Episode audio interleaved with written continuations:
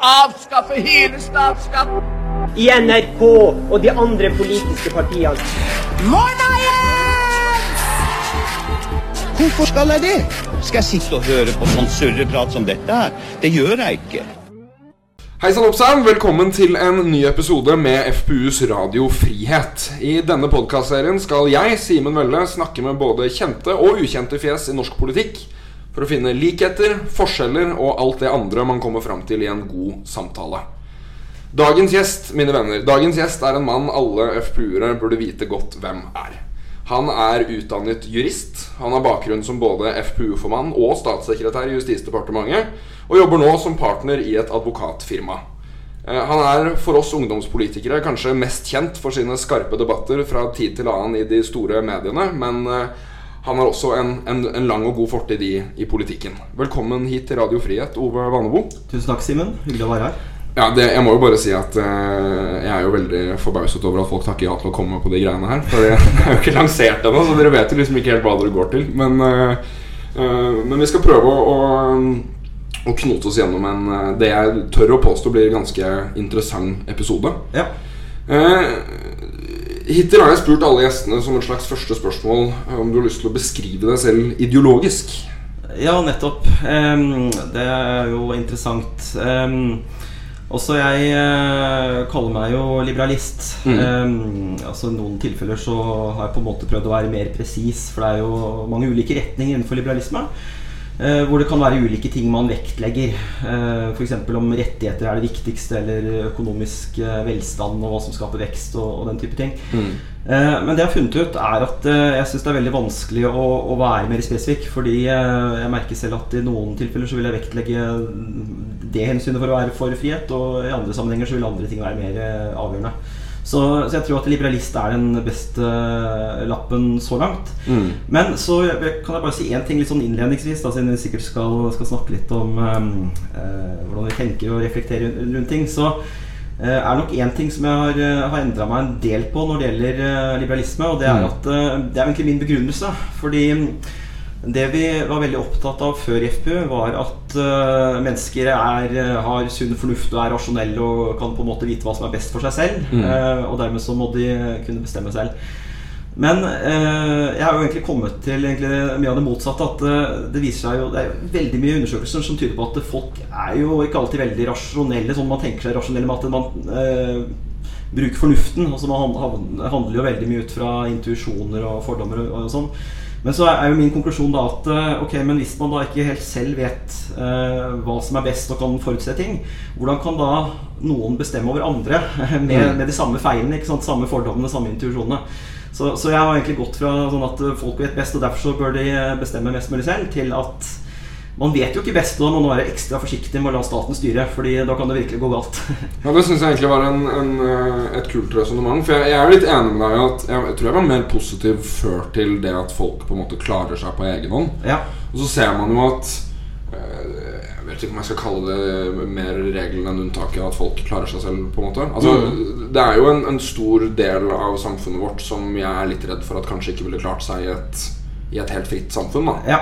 Eh, Og Så blir jo spørsmålet hvor, hvor inngripende, inngripende staten til slutt skal, skal være. ja. Men nå syns jeg du kom med et godt, eh, godt poeng her om at eh, staten ikke skal gripe inn uansett. på en måte Ja, eller det, det, er jo altså jeg, jeg, jeg, jeg har nok også kommet litt der at uh, istedenfor å, å tro at man bare på, på en måte kan skissere et drømmesamfunn, altså tror jeg at uh, mye av det som er uh, liberalisters og kanskje også FBUs oppgave i Norge, er jo å tenke at ok, nå har vi dette utgangspunktet med verdens eh, største stat. Um, skal vi gå til minimums, altså en nattvekterstat, så er det helt eh, Eh, Det er helt urealistisk. altså Det tror jeg bare man erkjenner uansett om man mener at det er ideelt eller ikke. Det blir litt sånn eh, litt less a fairytale, holdt jeg på å si. Eh, Men eh, eh, oppgaven da blir å finne ut hvordan vi kan bli friere og redusere staten og, og gå mer i retning av hva vi ønsker. Det tror jeg kanskje er, er det viktigste oppgave for liberalister nå.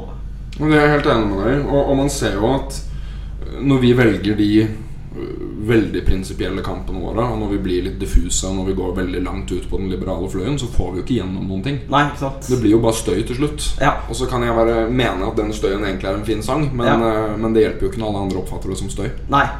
Eh, og det er jo også en diskusjon som vi har hatt i FPU opp gjennom åra. For eh, altså, man hadde jo det derre um, Bolkesjø-oppgjøret. eh, Reform 94, som jeg kaller det. Eh, hvor eh, det ble en ganske klar ideologisk eh, krasj. da. Um, og eh, i hvert fall i min tid så var vi jo veldig opptatt av at eh, det var noe man ønska å unngå. Fordi Mm. det ble problematisk for å få gjennomført fornuftig politikk. Og da må vi finne ut hvordan skal man opptre strategisk, hvilke saker er viktige. Eh, hva er det som igjen som du sier, også vil bare skape støy og medføre at man ikke får gjort noe? Det er også en veldig vanskelig problemstilling å, å bestemme seg for, da, om man skal ta det eller ikke. Absolutt. Men Hva var det som fikk deg til å melde deg inn i FPU? Eller når meldte du deg inn i FPU? Eh, Det var i 1999. Da var sikkert flere av eh, lytterne ikke engang født. Eh, Ikke engang jeg var født da. Nei, ikke sant? Så eh, Nei, altså eh, I ettertid så er det jo selvfølgelig veldig lett å si hvor eh, smart og gjennomtenkt man var, men eh, jeg tror også det er litt etterrasjonalisering.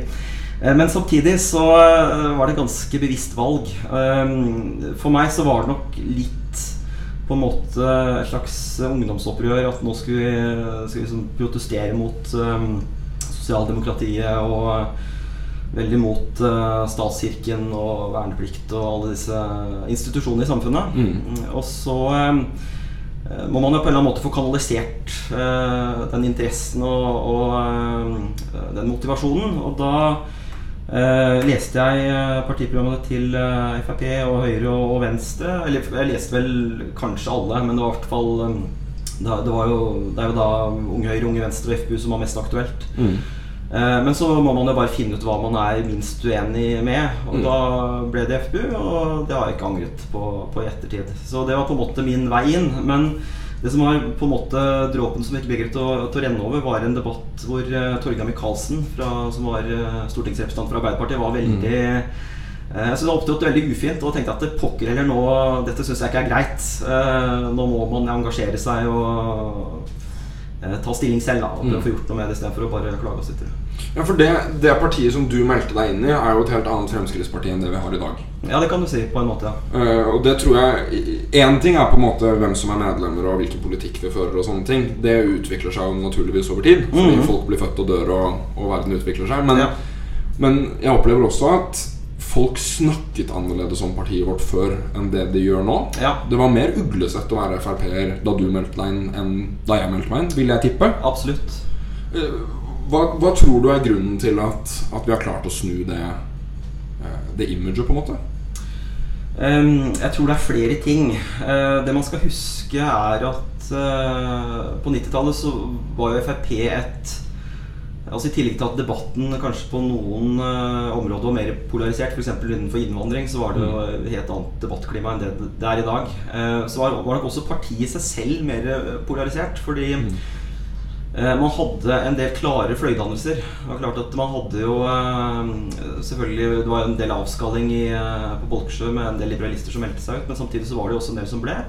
Men så hadde jo også sant, sånn Vidar Kleppe, Jan Simonsen, eh, Hedstrøm og, og personer som eh, for så vidt ønska et eh, en, en litt annen, et litt annet spor partiet skulle inn i. Uh, mens det som jeg oppfatter hele tiden har vært uh, Carl I. Hagens eh, kongstanke, er jo at man skal ha et parti som balanserer mange ulike hensyn.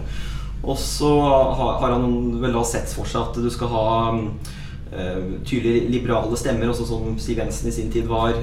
Så skal man ha folk som er veldig sånn pragmatiske, kanskje litt populistiske, som ja, sånn Jan Simonsen, Kleppe osv. Og så skulle man også ha de som var mer opptatt av si, mer sånn konservative verdier og, og um, eldreomsorg og helse osv. Og, så og så skulle man på en eller annen måte balansere det. da Um, og det, Hvordan syns du den balansen går, egentlig? Ja, nei, det er et godt spørsmål. Um, jeg har vært litt skeptisk til det, fordi uh, jeg tror Altså, jeg skjønner uh, rasjonalet bak, og så jeg skjønner hvorfor uh, Carl og andre har tenkt sånn, men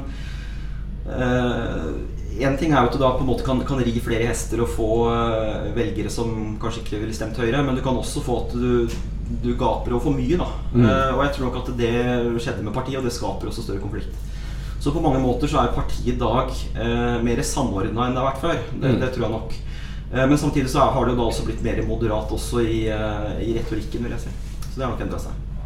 Eh, Men du, du ledet FPU fra 2008 Ja. til 2011. 2012. 2012. Og det er jo Både den tiden du var aktiv FPU-er, og også tiden du, du ledet FPU, er jo på en måte den tiden hvor FPU har gått best. I hvert fall hvis du ser på skolevalgresultater, da. Ja. Så er det 2000-tallet var eh, Det var FPUs tiår. Eh, hvordan føltes det å på en måte ta skoledebatter og gjøre det så godt? Fordi det er jo ingen FPU-er i dag som, som på en måte husker det. Nei, Um, det var jo selvfølgelig bare pga. Uh, for, formannen, eller nestformannen. uh, nei da, det er eh, det, det som eh, jeg tenker er eh, greit å huske ehm, Det er flere ting som kreves for å vinne skolevalg, eh, bare så det er sagt. Og så eh, en del er jo naturligvis hva, hva er i tiden. ikke sant? Sånn som i, I Sverige så har man jo sett at det er kanskje en mer høyreorientert vind som blåser. Som, som, som er en sånn zeitgeist, eller tidsånden, som Mm. åpenbart preger eh, hvordan folk tenker og mener. Eh, og så er det mye flaks. Det er, eh, altså, du kan få ett spørsmål som endrer hele debatten du er i. ikke sant? Mm. Og så kan du være heldig eller uheldig på det. Men jeg mener jo at veldig mye av det vi gjorde riktig, var også veldig hardt arbeid og, og riktig strategisk arbeid. Mm. Eh, fordi eh, vi brukte veldig mye tid på å kartlegge Eh? Hvem er det som går på denne skolen? Hva slags linjer er det? Hva tror vi de er opptatt av? Hvordan skal vi legge opp retorikken? Eh, er det noen vitser vi ikke bør ta? Eh, eh, er, ja, ikke er det noe som er betent? Eh, og det kan jo være alt mulig rart. Men det brukte, vi gikk ned, på skolenivå, også virkelig sånn mikronivå, Mm. eh, og kartla hvordan vi skulle jobbe, og hvilke debatter som vi tenkte, debattanter vi tenkte kunne slå an der. Mm. Så det er jo noe som åpenbart ga resultater, og som jeg tenker man kan lære av i dag. Um, og så er det jo uh, altså Følelsen da, som du spør om, det er jo noe helt eget å vinne skoledebatt. Eller uh, også særlig når man vinner lands, altså hele um, skolevalget Mm. uh, som helhet. Eh, det er vel noen som har sagt at det er på en måte beste følelsen du kan ha i livet. det, det tviler jeg vel på, men det er jo utrolig godt. Og um, Så det Ja, det, det, er, eh, det er absolutt noe som, som anbefales.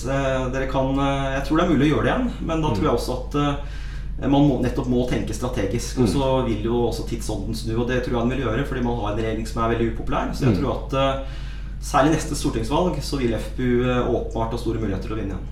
Det er en analyse jeg er helt enig i. Eh, vi gjorde jo et, et veldig godt skolevalg i, i 2021. Absolutt. Hvor vi økte med 5,2 prosentpoeng eller noe sånt, opp til 13,9. Kjempebra. Det er jo første gang, siden 2000, første gang siden du ledet FPU at vi har gått opp et skolevalg, faktisk. Nettopp. Altså. Eh, og, det, og jeg tror én ting er det med at du på en måte er opptatt av saker som andre også er opptatt av. Mm. Du trenger en tidsånd. Men, men jeg opplevde også at det at vi, vi var ikke så redde for å mene det vi mente. Jeg Nei. opplever at en, en del av 2010-tallet så var vi vi var litt sånn Vi vil ha få flyktninger, og Mm. unnskyld, for det, på en måte. Men, men nå var det mye tydeligere. Den olja skal opp. Ja. Vi hadde jo delt ut kondomer som det sto 'drill baby drill' på på skolene. Det var jo totalt skamløst. ja. Eh, Og jeg tror også at det er en del av, en, en del av det som slo an. da men, ja. men det er veldig hyggelig å høre at du eh, har trua for de neste valgene òg. For det, det har vi i hvert fall. Vi er veldig, veldig engasjert i å, å få landa den gode skolevalg igjen. Ja, og så tenker jeg litt som du sier at uh, det man skal huske at det gjør jo ikke noe om 85 syns dere er uh, fullstendig ubrukelige, så lenge 15% stemmer på dere. Eh, og hvis man hadde tenkt sånn, så ville du jo fått et høyere skolevalgresultat enn det man fikk sist. ikke sant? Så jeg tror det er rom for å både spisse dette og få fram fronter og igjen ha litt selvtillit. Det er virkelig Jeg tror det er viktig. Mm. Mm. Jeg er veldig enig med deg. Men din tid som, som FPU-formann, det var jo en eh, også en ganske kontroversiell periode for organisasjonen vår. Ja. Det er jo på en måte ikke til å komme unna at eh, det skjedde jo fryktelig mye, spesielt i 2011. Mm. Eh, og, og, og i etterkant av alt det som har skjedd, så har du jo skrevet en bok som heter 'Krisehåndboka'. ja. Eh, En bok jeg for så vidt liker veldig godt. Som jeg mener at Hadia Tajik og en del andre politikere kanskje burde lest før de gikk til pressekonferanser. Men eh, sånn sett med, med etterpåklokskapens briller og, og, på en måte et litt historisk blikk på det, hvordan syns du det gikk selv? Det må ha vært en utrolig pressa situasjon å sitte i. Ja, Du tenker 2011 særlig, eller tenker du mer tenker det hele denne Altså det at du ble på en måte en slags krisehåndteringsformann, nesten. Ja. Um, altså, jeg kan jo starte med å si at um, når man er i det, så rekker man vel, i veldig liten grad å, å tenke så mye over det. Fordi uh, det gikk veldig slag i slag. Ikke sant? Mm. Altså, det starta jo i, i begynnelsen av året hvor eh, meningsmålingene gikk nedover. Og så fikk vi denne Birkedal-saken med Trond Birkedal som hadde uh, filma en del unge gutter og hadde jo også hatt uh, seksuell omgang med en yngre, uh, altså mindreårig gutt. Og så, når den saken var over, så brakk Siv Jensen ryggen. Og så uh, ble det mye diskusjon om det skal være en ny partileder. Og så kom 22. juli-terroren, som også selvfølgelig satte et ganske stort søkelys på, på, partiet og forbindelser til terroristen osv. Etter det så var det Bård Hoksrud og, og tur til, til Riga. Mm. Uh, og så husker jeg at uh, da jeg kom på slutten av året, så tenkte jeg at åh, nå må dette jævla året snart være slutt. Mm. Og så, jeg, tror, jeg husker ikke om det var nyttårsaften eller få dager før, så mener jeg husker at Karl Jagen kjørte ned noen fotgjengere og mista lappen. altså en sak ut av det Så det, det, gikk veldig slag i slag. Og jeg, jeg tror det, det, er egentlig først i ettertid man egentlig rekker å tenke over det. Mm. Um, det som uh, altså jeg, jeg, tror at det man kan se der, er eh, litt opp mot uh, krisehåndtering i dag, er at det hjelper å holde ut. Altså mm. Det var for så vidt ikke noe press om at jeg skulle gå av eller, eller noe lignende, men jeg tror at det er et utgangspunkt at man, man, skal komme gjennom dette. Mm. Og mye grunnen til det er jo at man får en helt unik innsikt i si, kompetanse etter å ha vært igjennom det. Og da, mm. Derfor også skrev den, den boka mi. Um, og jeg syns det er veldig dumt hvis folk på en måte kaster bort alt man har lært i, eh, i en krise. Uh, ved å, å, tenke at nå skal man gi seg eller ikke drive med politikk eller uh, føle seg tvunget til å gå av. Så det, mm. det, er en viktig lærdom som jeg også tenker at hvis det skulle dukke opp noe i FPU, og det, det kan jo skje, mm. eller Frp, så er det viktig å, å tenke at utgangspunktet er at dette skal man komme seg gjennom, og så skal man håndtere det så godt man kan. Um, jeg tror uh, veldig viktig å følge opp medlemmene hvis, uh, når det blåser. Mm. Um, vi ringte veldig mye rundt til fylkesformennene, som igjen snakka med lokallagsformennene. Og det var utvilsomt av stor betydning, også mm. fordi hvis folk ikke føler seg lytta til, så er det også mye lavere terskel for å gå til avisen eller uh, andre medier for å snakke ut om dette eller fortelle hvor dårlig håndteringen er. Mm. Men så er det også det å være litt proaktiv. Fordi mm. Særlig i den eh, Birkedal-saken så hadde vi jo fått kunnskap eh, eh, et par år før saken sprakk. Og der så vi jo etter at der skulle vi vært mer proaktive. Vi skulle dokumentert hva som var gjort. Vi skulle burde antagelig snakka med politiet. Um, men samtidig så er det en del dilemmaer her, og det vil alltid være i uh, ulike krisehåndteringssituasjoner. Mm. Um, så det er nok de viktigste lærdommene der, tror jeg. da um, Og jeg skulle jo gjerne ønske at uh, jeg kunne drevet med politikk, men sånn er det. Og så Skal du være leder, så må du også stille opp når det blåser litt. Ja, det er jo I hvert fall i næringslivet så er det jo derfor lederne får, eh, får den store lønna. Er jo for at de skal stå, stå når det stormer også. Absolutt. Uh, men det, det tror jeg er et spørsmål som mange lurer på nå. Altså det siste året har vært preget av mye sånn, politikerskandaler. Mm. Vi har en stortingspresident som har gått av. Kjell Ingolf Ropstad gikk av. Ja. Hadia Tajik har trukket seg. Mm.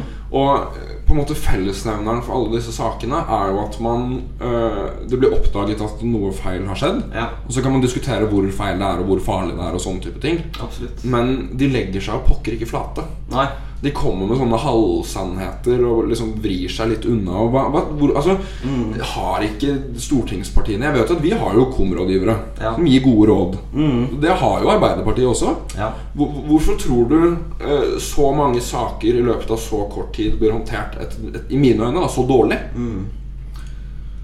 Um, det kan skyldes uh, flere ting. Og jeg, jeg, tror ikke nødvendigvis det er uh, si, mangel på rådgivere eller råd. Eller råd. Um, det kan være flere ting som spiller inn der, og det har vi også sett uh, selv når gir råd som advokat. Og for så vidt også i krisehåndtering. Og det, det, ene er at det kan hende at den som får rådene, ikke lytter til dem. Altså, er godt mm. mulig at noen har sagt at ok, nå skal du gå ut med alt, og så gjør man ikke det. Det, det kan ha skjedd. Um, det kan ha vært også at den som eh, havner i krise, ikke har eh, fortalt nok. ikke sant? Og så eh, kommer dette gradvis ut. Mens den vanlige tilnærmingen er jo at hvis du først på en måte skal skal, skal Lars skjelettet komme ut av skapet, så må du, må du ta ut alt. Mm.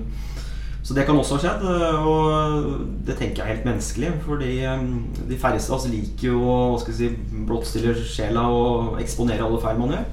Så det, det kan nok ha vært tilfellet her. Mm. Um, og så tror jeg at det er en veldig stor tendens til å undervurdere uh, sprengkraften i saker. Altså at man sitter her og så tenker man at uh, Nei, dette her er jo ikke så ille, eller uh, de kommer jo ikke til å finne ut av det. Um, og så ender det da med at uh, jo, dette, dette er ille. Og det er som jeg sier at uh, Hvorvidt du er i en krise, det er ikke du som avgjør det. Altså Den som avgjør om du er i en krise, det er uh, dine altså på, uh, på, engelsk så snakker man om stakeholders. Da, altså, um, eller interessenter, tror jeg det heter på norsk. Altså, mm. man har Altså, hvem er det som har interesse av at, du, at det går bra med deg, og hvem har du interesse av, at, uh, av å holde deg inne med? da mm. Det er jo da typiske velgerne for en politiker eller en viss grad media, uh, i hvert fall medlemmene i et parti. Mm. Uh, mens når man sitter der og kommuniserer, så blir man veldig selvrettferdig, og så tenker man kun på hva man selv syns er behagelig å si.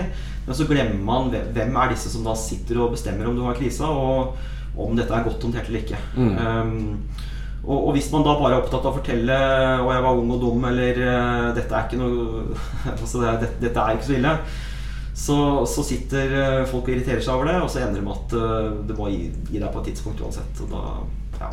Så jeg tror nok at det, det kan være tilfellet her. Tror du at Hadia Tajik kunne Altså Si at hun hadde håndtert det plettfritt. Mm. Tror du hun kunne blitt? Dette har jeg diskutert mye med gode venner av meg som jobber med krisehåndtering, og for så vidt også andre advokatkolleger. Um, det er nok veldig uklart. Mm. Uh, jeg har nok tenkt at uh, hvis altså, uh, I mitt hode så er det sånn at da disse sakene begynte å komme ut i um, Rett før valget, vel? Ja, i fjor høst. Så tror jeg det var et tidsvindu hvor du kunne slippe unna med ganske mye. hvis du hadde vært ærlig og sagt at ok, her har ikke media fokusert på denne saken. Men jeg mener selv at uh, dette er en sak jeg bør fortelle om i lys av alt mulig annet som har skjedd. mm. Nå er det jo litt uklart hva, hva Hadia egentlig har gjort. da Fordi Hun har vel ennå ikke sagt at hun for har prøvd å unndra skatt. Det er jo uklart. Og så kan man jo mene hva man vil om det. Mm. Uh, men jeg tenker at uansett så er uh, denne avtalen og hva hun hadde krav på osv., det, det burde vært Det burde kommet ut. Mm. Um, det ene grunnen er jo at eh, jeg tror nok at man hadde en mye større aksept for den type ting. Fordi eh, Altså Ikke sånn at det var greit, men fordi man hadde gått ut med det selv, så tror jeg det, det hadde blitt sett på mye mildere. Og for det andre så tror jeg det hadde druknet i en del andre saker. Det er jo litt sånn at hvis du mm, først skal det er sånn bring out your laundry, så, mm. så velger jo mange store idrettsbegivenheter eller eh, andre høytider eller eh, dager som tar mye oppmerksomhet. Så hadde hun da vært tidlig ute, så ville hun drukna i støyen av mye av det andre. Mm. Um, og så tror jeg at uh, hvis hun hadde tatt alt med en gang også, så kunne det kanskje det, det sett mye bedre ut. Fordi um, det som var problemet nå, var jo at hun gikk ut på en måte som gjorde at det virka som hun uh, kjørte knallhardt på den ene saken med samboeren sin. Mm. Um, og at de hadde bodd sammen, og det hadde hun krav på. Og så glemte man eh, så, Men så sa hun ikke noe om det andre. ikke sant? Og da, da virker det fort som om Hun okay, noe skjole, på en måte. Ikke sant? Ja. Hvorfor går hun så hardt ut med dette, men ikke det andre? Og hva er det som har skjedd her? Og så når man begynte å grave litt i forklaringene, så var det mye rart som skurra. Altså, det var jo sånn mm. Ok, Hadde PST rådet henne om å gjøre, gjøre dette, eller uh, mente hun selv at det skulle gjøres på bakgrunn av hva hun tenkte ut fra hva PST sa? Altså, det var mye uklarhet der. Uh, så, uh, jeg tror kanskje, men, men det er jo litt eh, Det er også viktig å huske krisehåndtering at alt er veldig kontekstavhengig. Altså, driver du med skattesnusk og er i Arbeiderpartiet og har gått ut med noen andre, mm. særlig fordi de da har bosatt seg for å få lavere skatt og flytta til utlandet, mm. så er det jo selvfølgelig en lavere terskel for at det ser mer ille ut for henne enn om en eller annen Frp hadde snuska på skatten som uansett er veldig mot skatt og på en måte Det er litt sånn, holdt jeg på å si, ikke liv og lære, da. Det er det jo ikke, vi mener jo at man skal følge loven. Men, men, det er litt hvilket parti du er i. Altså Om en KrF driver med hjemmebrent, så er det mer alvorlig enn om en Frp gjør det. FRP gjør det. Ja, ja, Det tror jeg vi bare må innse. Nei, det, det gir mening, det, altså. Og det, jeg, jeg, jeg syns jo alle disse Jeg vet ikke om man kan kalle det kriser, disse pendlerboligskandalene, men jeg syns jo det mm. I utgangspunktet så er jeg enig med deg at jeg tror folk flest i utgangspunktet ikke syns det er så alvorlig. Nei. Jeg tror ikke det at du har på en måte feiltolket eller bevisst feiltolket Eller hva man skal si et eller annet regelverk for 15 år siden Jeg tror egentlig ikke folk bryr seg så mye om det. Nei. Men det er det at de opplever at politikerne enten lyver eller vrir seg unna eller forsøker. Altså De, de, prøver, de liksom spiller et spill. da ja. Eh, og det gjør jo at altså, hvis politikeren selv ikke behandler det som alvorlig, så uh, så blir det veldig vanskelig å tro på unnskyldningen. på en måte da ja. jeg ble, jo, jeg ble jo spesielt under denne eh, pressekonferansen. Da hadde jeg Tajik trakk seg. Mm. Det synes jeg var skikkelig irriterende å se på, for hun sa aldri unnskyld. Nei. Hun la seg bare pokker ikke flat. Hun brukte første ti minuttene på å forklare hvor mye hun hadde gjort som minister. Ja. Men det er jo ikke derfor hun er der. Hun er der for å Ikke sant? Så jeg, jeg, og da føler jeg meg litt som eh, Ikke som politiker og Frp-er, men litt som, som samfunnsborger. Så syns jeg det er skuffende. Ja. Eh, Det er eh, Altså, det, er, det syns vi har litt for mye av, da. Det er eh, Jeg husker ikke helt hvem som har snak, sagt det, men eh, at du har en del sånne papegøyepolitikere. Mm. Altså politikere som har lært seg noen sånne standard eh, fraser og soundbites som de eh, bare sier uansett hva de blir spurt om, da. Mm. Um, og det syns jeg nok var inntrykket av, av, eh, av Hadia. At eh, det virka mer som en det virker veldig sånn stilisert og utstudert, og at dette hadde hun tenkt over. Og at hun var mer opptatt av å bevare stilen og ansikt enn å eh, beklage og Eller også hun beklagde vel, men det var veldig uklart hva er hun egentlig beklager. Og så beklagde hun at hun hadde gjort noe med skatten, eller var det Beklagde hun at hun ikke hadde sagt nok, eller beklagde hun at hun ikke hadde trukket seg tidligere? Altså det var, jeg syns det var veldig vanskelig å få tak i. Jeg tolket det nesten som at hun beklaget at hun ble tatt, men det, ikke det er nå min eh, personlige mening. Ja. Eh, for å gå litt videre. Eh, Som, som FPU-formann så, så står man jo i mye ideologiske debatter. eh, Mm. både med moderpartiet og, og på en måte med resten av samfunnet. Det er jo litt, litt vår rolle å, være litt eh, irriterende på sånt. Mm. Eh, Hva vil du si er din mest kontroversielle mening? Som, som på en måte flest folk vil eh, klage på å være uenig i? Ja, i dag, tenker du? Ja. Ja. Eh, nei, altså det er jo Det kan være ganske mye. Men eh, Nei, altså jeg er jo for, eh, for, for legalisering av narkotika. Det, det vil nok uh, veldig mange mene er uh, helt forferdelig. Uh, men mitt utgangspunkt er altså det, det ene er jo hva skal jeg si, liksom det mer prinsipielle at Uh, også hva det sier det, det, det, altså det med å bruke straff som et oppdragende middel, Mm. det er jeg veldig skeptisk til. Altså, jeg tenker at Hvis noe skal være ulovlig, eller, eller i hvert fall straffbart, da, så må det være veldig tungtveiende grunner til. Og, og jeg tenker at eh, det å skade seg selv eller eh, påføre seg selv et onde, det, det tenker jeg ikke er straffverdig. Altså, det er ikke noe som bør straffes. Og Um, og så er, har vi vel også den litt holdningen som um, tidsskriftet Economist har. Også legalisering er den minst dumme måten å regulere dette på. Altså Mm. det er eh, eh, Altså Man kan, kan diskutere opp og ned i mente, men, men jeg tror at det alltid vil være et, et eller annet marked for det. Mm. Og da blir det spørsmål om hvordan man skal håndtere det. Mm.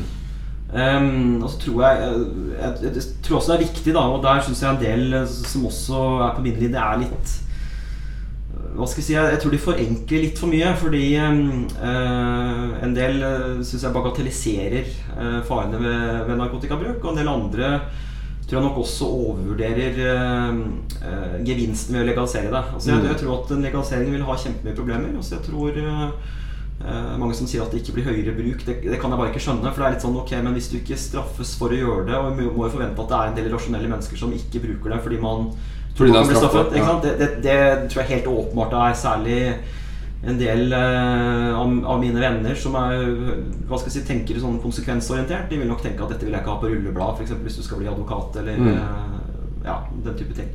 Så det, det, det tror jeg ikke noe på. Altså det, men, men eh, jeg tror samtidig at eh, det gir jo en helt annen mulighet til å, å kvalitetskontrollere og regulere og, og ha, ha orden. Eh, Mm.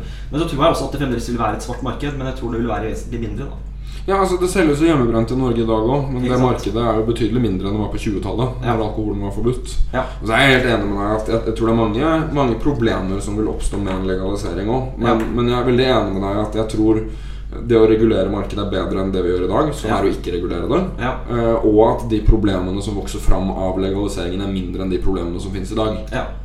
Eh, og, det som egentlig skremmer meg mest, er hvor lite vi vet. Det er en Ja. veldig synsete debatt. Det er egentlig Ja. veldig få leger som diskuterer dette.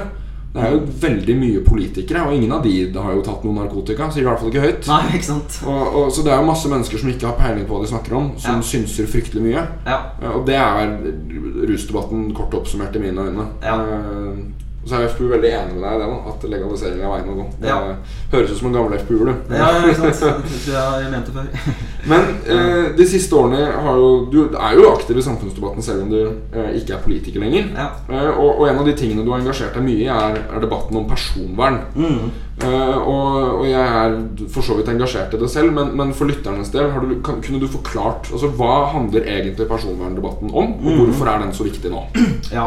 Altså jeg, jeg tror jeg kan starte helt grunnleggende. Hva, hva er personvern? For det er jo det er på en måte en litt eh, abstrakt størrelse. Um, også, eh, personvern er eh, egentlig litt, litt sånn rart særnorsk begrep som eh, begynte å dukke opp på, på 70-tallet. Mens i andre land så har, man mer delt i to. Altså, mens i Norge så er personvern et på en måte et sånn samlebegrep for en del sånne hva skal jeg si, ideelle personlige interesser du har. da Men det, det er vanlig å dele det opp i, i ja, eksempel USA. da Så snakker man om, om privacy, som er mer et slags sånn integritetsvern. Altså at Du kan liksom se for deg at du har en sfære eller en sirkel rundt deg, som er Mm. ditt uh, privatliv. Uh, og det skal ikke folk komme for nære. Så Det er litt sånn som den, uh, den der middelaldervisa om Olav og Kari med 'Trø med ikke for nære'. Mm. Så Du har denne private, dette private området hvor ingen kan på en måte komme inn. da Mm. Enten det er familieliv eller privatliv, eller hva man kaller det.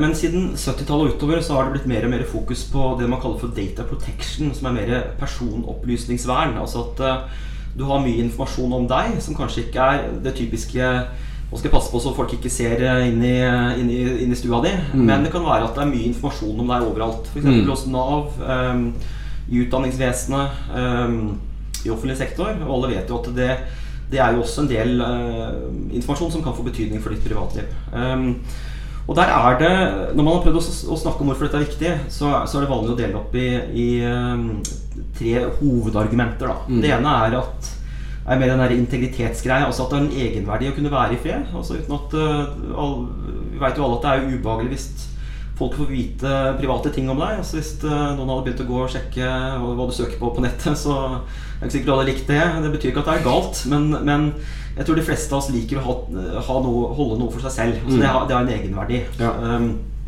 så er det to andre perspektiver som har blitt mer viktig uh, etter hvert. Det ene er det man kan se på som et slags sånn beslutningsperspektiv. Og Da er det jo nærliggende å tenke på Nav. ikke sant? Mm. Altså hva, hva folk veit om deg, uh, særlig i uh, offentlig sektor og andre steder, det får betydning for hvilke rettigheter du har. ikke sant? Mm.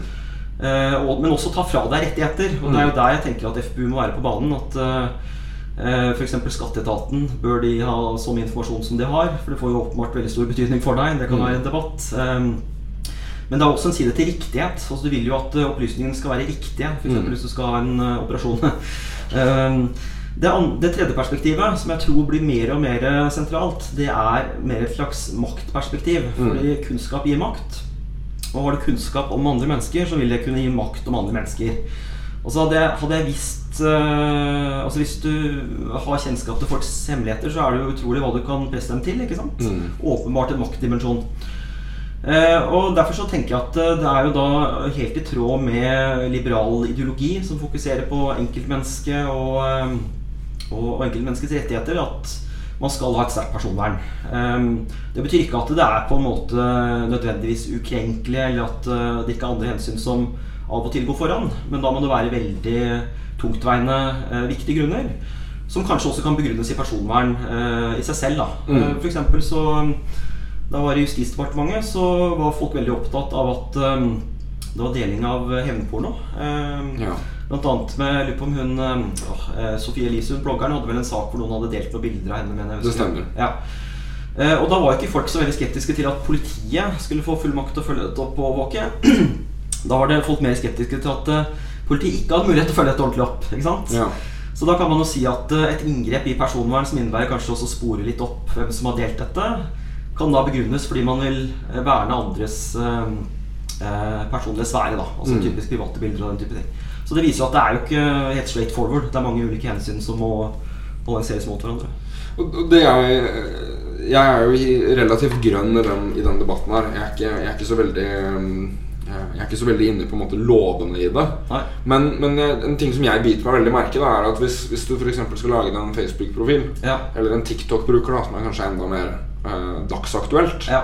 så er det brukernavn og passord, og så fyller du ut litt eh, informasjon, og så trykker du 'godkjenn' Ja. eller 'godta'.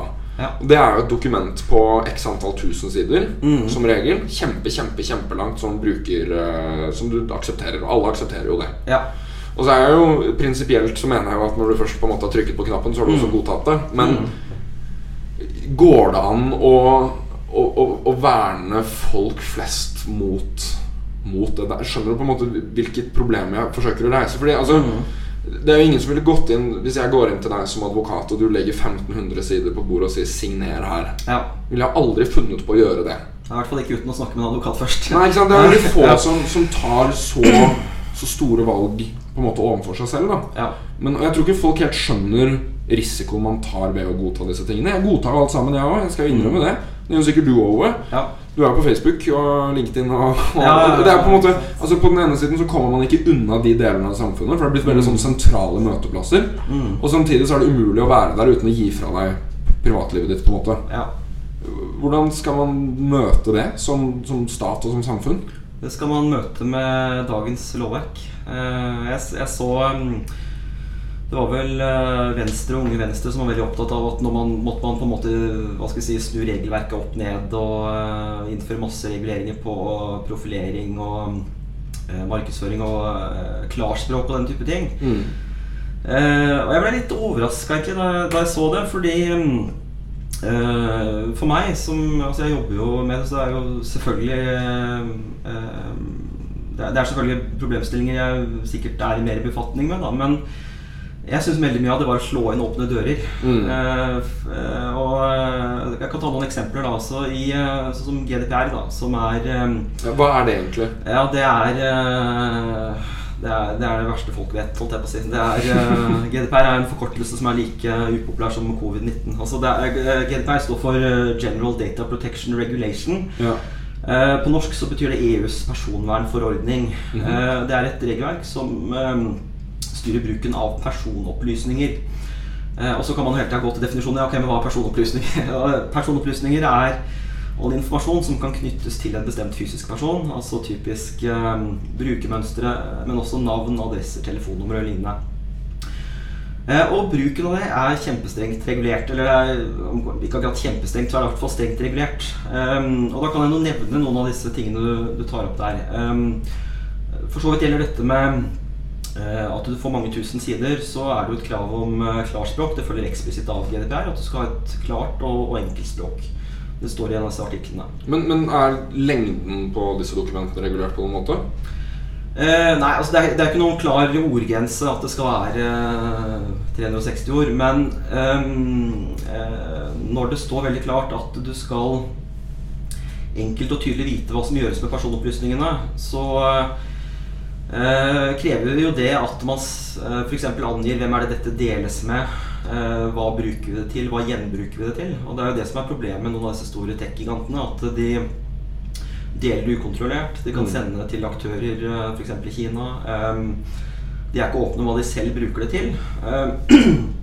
Og eh, de kan også ha veldig inngående overvåkning, f.eks. ved å samle preferanser og da få oversikt over um, hva du liker og ikke liker, og kanskje manipulere hva du klikker på og lignende. Eh, Men mye av det er veldig strengt regulert. F.eks. dette med eh, profilering, også at du lager en profil som, inne, som sier veldig mye om deg og Mm. om dine preferanser. Eh, Det skal normalt en del til, og utgangspunktet der er nok samtykke. Og skal man gi samtykke, da, som du er innom, så skal man vite klart og tydelig hva, hva som er formålet, hvem det deles med, um, hvordan dette skal brukes. Og da kan man ikke ha en diffus angivelse at eh, vi skal bruke det for å tilby tjenesten. Og så skal det være ganske spesifikt hva det brukes til. Så mitt tips er jo at flere burde klage.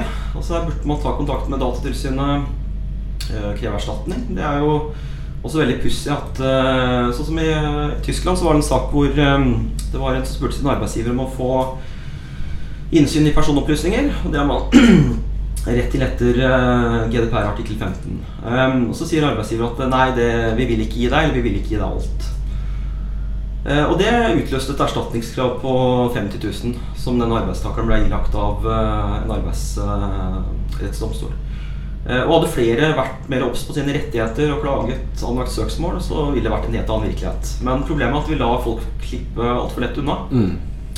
Så Så jeg tror jo ikke nødvendigvis at et helt nytt regelverk må på plass. Selv om det kan være interessant å se på, på disse venstreforslagene. Men jeg tror folk må være flinkere til å bruke det regelverket som er der. Eh, Og skjønne at eh, skal du bruke personopplysninger, så må du ha en hjemmel for det. Eh, Også hvis du er lokalisert i USA eller Kina og tilbyr tjenester til Europa, så, eller EU da, og EØS, så er man forplikta til å følge GDPR i veldig stor grad. Og det er selv om dataen er lagret i Ta TikTok, da, som lager, lagrer informasjonen sin i Kina. Vil de også på en måte rammes av GDPR-lovene? Ja, så lenge de retter tilbudet av tjenestene til eh, EU-borgere og EØS-borgere, så, så vil det være underlagt GDPR. Men klarer man å dømme altså, Si at man tar TikTok, da, f.eks. Mm. Klarer man, hva, altså, hva slags konsekvenser vil det gi for et på en måte heleid statlig kinesisk selskap? Altså klarer man Kan ikke de egentlig bare gi faen i den dommen? På en måte? Eh, Du kan øh, øh, Altså det er jo Det er jo et, si, et spørsmål mer om håndhevelse og øh, altså muligheten for å gjennomtvinge det. Eh, og der har du helt rett i at det er jo eh, vesentlig vanskeligere enn øh, hva man skulle Altså øh, enn, å, enn om det hadde vært i EU og EØS. Men Mm. samtidig så vil jo en avgjørelse ofte ha en veldig sånn symbolsk betydning. Og så er det veldig mange av disse som, som da også har eh, eh, ulike selskaper i Europa. og eh, det vil jo da gjøre at eh, da kan du i en del tilfeller gå på, på det selskapet, sånn som eh, Facebook bruker jo det irske datterselskapet. Ja. Um, så eh, jeg er enig med at det, det kan på mange måter være et eh, slag i lufta, men samtidig så um, kan det jo også gjøre at han, man, man kan få uh, slått ned på det. Man kan vise at dette er i strid med europeisk lovgivning. Um, jeg vil tippe at uh, vil ikke overraske meg om man kan stanse signaler og, og den type ting også. Man har prøvd å sperre nettsider i en del tilfeller. Eh, Det finnes muligheter. det vil jeg tro. Men øh, for, for det, disse store big tech-selskapene Det er globale selskaper Mm. som opererer på i hvert fall seks av de syv kontinentene våre. Og de gir jo et tilbud egentlig til hele verdens befolkning, Ja. med noen unntak, selvfølgelig. Mm. Eh, er, er det en sånn konsensus i verden om at dette er viktig og personvern skal vi passe på, eller er det en, en, en, på en, måte en politisk kamp som må tas? Um, så da tenker jeg man må skille mellom uh, det europeiske dataregelverket og personvern. Altså jeg tror Mm. i alle, alle kulturer uh, nesten så vil man finne en interesse av å ivareta personvern, men så kan det være forskjellige ting man er opptatt av å ivareta. Mm. Um, sånn som i, i Storbritannia så snakka jeg med en um, britisk advokat om bruk av passord. Og Mm. da sa han at eh, jo, det var veldig greit å få folk til å lage et passord som ingen kunne bryte. Fordi eh, da var det bare at folk måtte lage et passord basert på hva man betalte i skatt. Da måtte jeg forklare ok, men i Norge så er den typen opplysninger offentlig tilgjengelig. Og bare what the fuck? Det var helt uh, galskap. Ehm, så jeg tror det er veldig forskjellig hva man vektlegger. Altså sånn som um, Fagforeningsmedlemskap er jo kjempekritisk uh, mer i sør i Europa og steder i Europa, men i Norge så er det ikke det. Så eh, jeg tror nok at personvern er viktig, men jeg tror at det er forskjellig hva man vektlegger. Og, og eh, jeg tror ikke det er noen global standard, selv om jeg tror at eh, det regelverket vi har i Europa, vil spre seg flere steder. Det, det tror jeg. Ehm, men eh, hvordan man skal håndtere det i praksis, det, det blir jo vanskelig. Altså, jeg tror kanskje i visse tilfeller så må man eh, kanskje prøve å sperre av visse applikasjoner og, den- og den type ting. Mm. Men eh, så må man huske, da, og det, det er også når jeg sa det Jeg holdt et foredrag forrige uke, og det er at det er jo en grunn til at dette blir et problem. Mm. Det er jo fordi man får jo kjempespennende, gode tjenester ved å avgi personopplysninger. Eh, og det samme er jo Vi kan gjerne diskutere politiets fullmakter og hva man skal kunne gjøre der, men det er jo en grunn til at politiet vil ha det, og veldig mange aksepterer det. Og aksepterer kameravåkning. Det er jo fordi man eh, løser jo andre problemer og, Mm. eh, og, og skaper kanskje trygghet da, eller mer brukervennlighet osv. Um, så jeg tror at det, det som er clouet her for å løse det, er at um, skal man lage et godt personvernregelverk, så må det også sørge for at man um, um, også kan nyte godt av de godene det gir. Da. For det er Mm. klart at eh, Jeg syns jo ulempen å gi fra meg personopplysninger er eh, mindre enn fordelen jeg får av å bruke Facebook, f.eks. Ja. Ja. Jeg skjønner. Eh, men eh, I løpet av det siste, spesielt det siste året, så har jo dette med cybersikkerhet og de hemmelige tjenestene og på en måte hvordan Norge jobber for å ivareta rikets sikkerhet, blitt, Ja. Eh, blitt eh, skremmende relevant. Mm. Eh, Vi så jo juleferien i fjor, så ble, var det Nortura som ble hacka, og det ribba til halve Norge var forsinka. Altså, det, det skjer jo på en måte cyberangrep mot Norge jevnlig. Mm. Det var en printer som ble hacka på Stortinget for et par år siden. Og, Ja. og så kommer du fram i media i etterkant av dette her er jo statlige aktører fra andre land som, som har vært og, eh, og, og tittet i norske papirer, på en måte. Ja. Eh, Siden du har vært statssekretær da, i, Mm. i Justisdepartementet, som jobber med mye av det her, hvordan vil du si at Norge jobber med, med cybersikkerhet? Um, altså Mitt utgangspunkt er at uh, på hva skal jeg si, regelnivå så tror jeg nok at vi har uh, langt på vei uh, verktøyene. Altså vi har mulighet for å gjøre ganske inngående overvåkning hvis man vil det. Mm. Um, så lenge den er målretta. Um, Som da må godkjennes i en domstol, ikke sant? ja, det kommer litt an på, på eh, hvor uh, maktpåliggende og viktig det er at man uh, Hvis det haster, f.eks., så, så er det noen fullmakter ute hos uh, PST, blant annet. Mm. Um, så jeg tror nok at vi har, og, Det var også noe vi jobbet med som statssekretær. Det var jo å få på plass eh, noe oppdaterte ting, sånn som eh, keylogging i, i ytterste konsekvens. Altså at man kan eh, lese hva folk taster inn. Ja. Um, og Det er jo absolutt inngripende, og jeg, jeg skjønner godt at det er skepsis overfor det på, på alle måter. Um, så jeg tror nok at uh, summa summarum så har man uh, veldig mye fornuftig og riktig verktøy. Men det vi alltid ser er et problem, er ressurssituasjonen. Uh, Ja. Så i mitt hode så er det sånn at istedenfor at man kaster seg på og innfører ulike former for masseovervåkning, og at man uh, henter inn uh, mer generell informasjon fra alle, Mm. um, og det er jo også en debatt nå, um, så eh, tror jeg heller at da, da bør man ruste opp um, uh, PST, ulike aktører som, som, som må ha mer kompetanse, og som Mm. må ha, ha mer personell. Eh, og det, det syns jeg er litt sånn pussig, fordi noe av det man har vært veldig opptatt av de siste mm, årene, det er å få eh, to polititjeneste med, eller politikonstabler kanskje, Mm. per 1000 eh, innbyggere. Ja. Eh, Men er det riktig? Altså Kanskje eh, Noen steder så er det ikke en ekstra politikonstabel man trenger. Kanskje man trenger en politirevisor som kan avdekke økonomisk kriminalitet. Kanskje kunne man trengt en IT-spesialist som vet hvordan man håndterer hacking og kan, kan lukke det og etterforske det. Um, Kanskje er det andre typer servicestillinger. Så jeg tror nok kanskje at vi har, har stirra oss litt blinde på akkurat den biten. Og så tror jeg nok at uh, vi bør ha en mer kritisk gjennomgang av hva vi trenger, fremfor å ha uh, Altså Jeg er veldig skeptisk til sånne prosentmål og antall. Og, altså 1% bistand syns jeg var helt, helt absurd. Det stimulerer jo bare til at man bruker masse penger uten å være opptatt av hva det brukes på. Mm. Eh, og det samme kan man si gjelder andre sektorer. Mm. Eh, så istedenfor å eh, ha den type målsetting, så tror jeg heller vi burde finne ut hva er det vi trenger. Ja. Eh, fremfor at man da bare kommer med, med sånn mer nice to have enn need to have. da Mm. Ja. For, øh, det har vært en debatt de siste par årene at, at Jeg husker ikke om det er PST eller NSM som har bedt om å få lov til å lagre metadata som krysser norske grenser. Mm. Hva tenker du om det?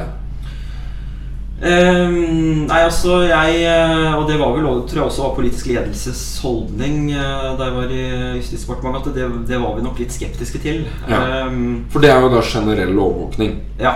Um, og det er eh, også igjen, du, du- kan, selvfølgelig Man kan alltid finne grunner for det. Også, det kan være at man uh, har behov for det, eller uh, at det kan være nyttig. Men, men det er det med at man skal samle inn fra alle, som jeg er veldig skeptisk til. Altså, Ja. Jeg synes det er veldig rart at Mye av kritikken som har kommet mot overvåking, har vært uh, overvåkning som er på en måte spissa mot når man har mistanke eller det er grunner til det.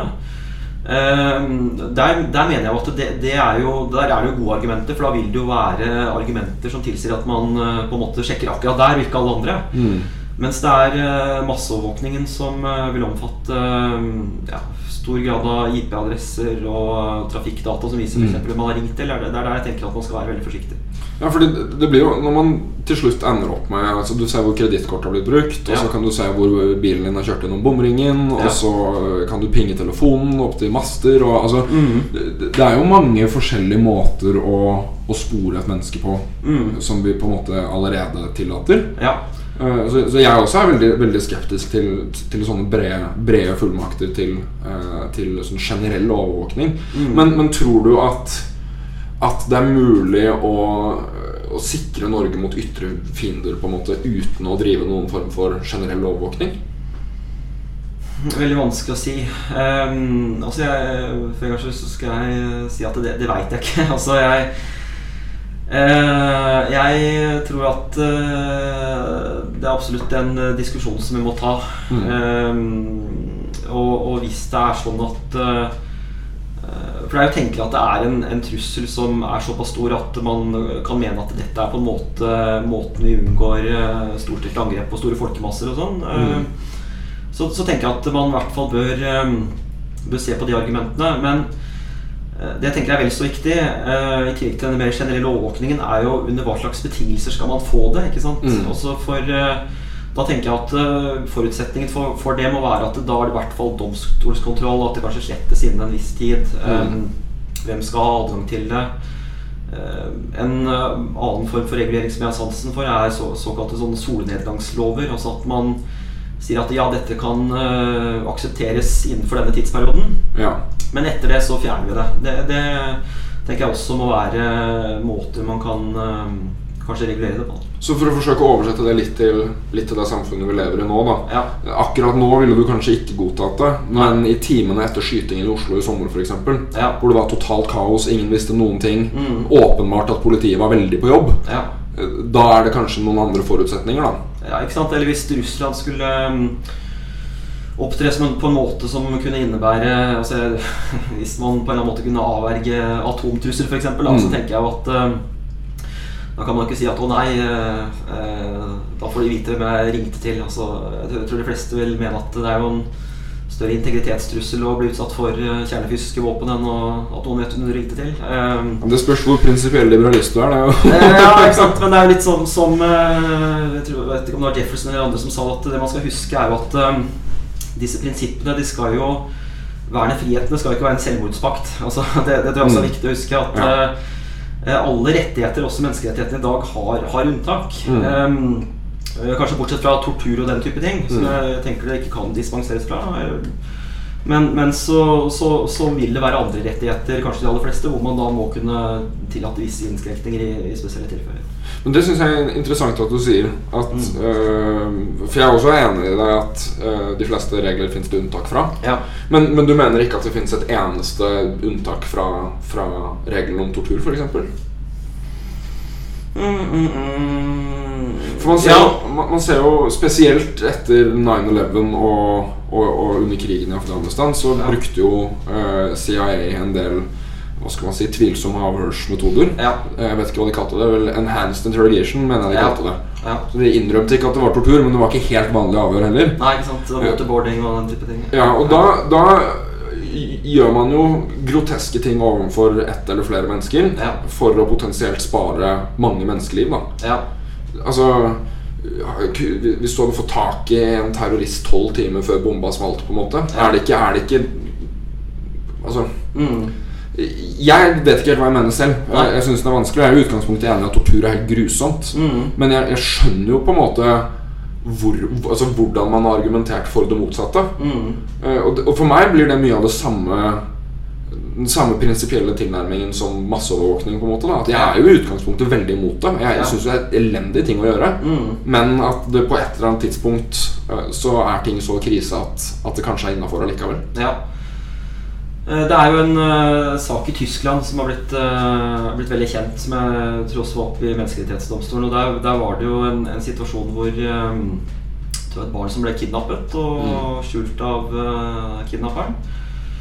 Eh, og der mener jeg å huske at man uh, altså behandla han eh, jævlig røft. da Uh, Jeg vet ikke om de regelrett banka han, men det var vel ganske rundt i, i det området der. Og Mm. så uh, endte man da å få ut han hvor han hadde gjemt denne gutten. Og så ble han da funnet for sent, denne gutten, så han var allerede død. Mm. Eh, og jeg tenker at det, man skal jo være ganske unyansert hvis man ikke ser argumentene for. Altså, La oss si at du hadde gitt denne filmen litt juling, og så hadde man fått informasjon, og så hadde de redda gutten. Altså, jeg, jeg tror at uh, man absolutt kan se at det er, eh, det er absolutt et uh, gyldig argument. Mm. Um, men så uh, er jeg veldig usikker på om det går an å se dette isolert eh, i et litt sånn større perspektiv. Fordi det er veldig mange forutsetninger man har da, for at uh, man skal kunne bruke det i den type tilfeller. Altså, det ene er jo at man uh, faktisk får informasjon. Altså Det kan hende at du da banker opp eller torturerer grovt 1000 personer uten å få informasjon. Det kan jo være konsekvensen av det. Eh, det kan være at folk lyver og bare kommer med informasjon, så det har jo veldig lav troverdighet. Det kan Mm. også være en, et utfall. Um, det kan være at folk tilstår ting de ikke har gjort. Altså det, um, så jeg, jeg tror at uh, mitt utgangspunkt er nok at det ikke, ikke kan forsvares. Uh, og skal man eh, forsvare det, så, så er det såpass mange forutsetninger som må til at jeg, jeg tror det kanskje blir litt urealistisk. Men, men altså, jeg mitt utgangspunkt er at har folk bedre argumenter enn meg, så skal jeg endre mening. Jeg tror bare at jeg må tenke litt mer på det før jeg, før jeg eventuelt endrer mening der. da Ja, men Det er jo interessant, uh, interessant vinkling. Og det er jo altså jeg tror Nazistene må ha vært de som har vært holdt på å si, best på tortur Ja. eh, opp gjennom åra. De torturerte jo alt og alle. Ja, Og det var veldig mye av informasjonen de fikk som var falske tilståelser og, og feilaktig informasjon. Fordi altså Ja.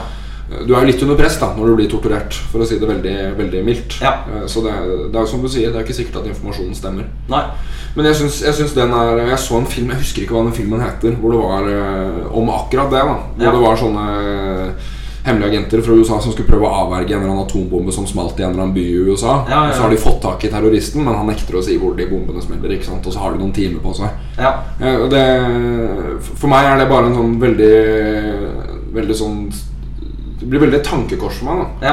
Fordi jeg er veldig tydelig på hva jeg mener prinsipielt. Men så, så er det som du sier, da at regler har på en måte unntak. Ja. Men samtidig så er det veldig skummelt at en stat skal kunne tillate seg selv å, å gjøre unntak, på en måte. For det er jo når alt Ja. kommer til alt staten som tillater at staten bruker makt. da ja.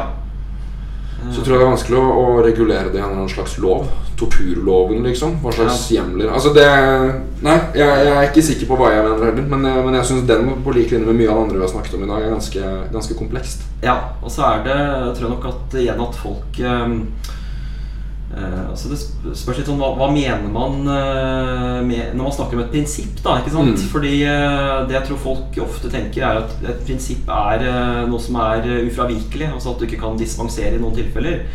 Mens det, det man ofte Det som jeg syns er mer hensiktsmessig, er å snakke om et prinsipp. Det er, det er en slags um, herregud, det, Nå er det noen år siden jeg studerte filosofi, men det er vel altså, Man snakker om prima facie, tror jeg det heter på, på fancy prinsipper. Og det er at da har man eh, en retningslinje, og denne, denne retningslinjen gjelder med mindre det finnes veldig veldig tunge unntak. Sant? Det, det tror jeg er en mer hensiktsmessig måte å se det på. Og, og det man skal huske, er at eh, dette er jo ikke noe som eh, bare jeg sier. Altså, dette er jo noe også ulike liberale tenkere har vært innom. Mm. Sånn som John Locke, som mange tror forfekta en uavgrensa rett til privat eiendomsrett, sier jo at du, du skal ha eiendom eh, som er på en måte tilstrekkelig til det du har, men samtidig så skal du etterlate noe til andre. Altså at Mm. det er en begrensning på omfanget av hvor mye du kan ha, f.eks. Mm. Eh, og eh, andre liberalister har jo også akseptert beskatning, f.eks., som noen igjen vil mene er tvangsavståelse av, eh, av, av private eiendeler. Så eh, jeg tror det er viktig å ha i bakhodet at eh, altså det, det er vanskelig å si at det er, er en liberalisme. Altså det er flere liberalismer. Mm. Og flere måter å tenke her, da. Så rett og slett å være liberal, men også litt eh, realist. Ja, li- liberalist, kanskje. Så, Liberalist, ja. Den var fin. Uh, vi har sittet her i, i over en time, så jeg lurer på om vi skal gå, gå inn for landing. Men eh, tusen tusen takk for en veldig hyggelig prat, Ove. Det, du blir definitivt invitert tilbake en dag. Bare gjør det. Veldig hyggelig å være her. Så får dere ha lykke til både i skolevalgkamp og ellers. Tusen takk. Fantastisk. Tusen takk.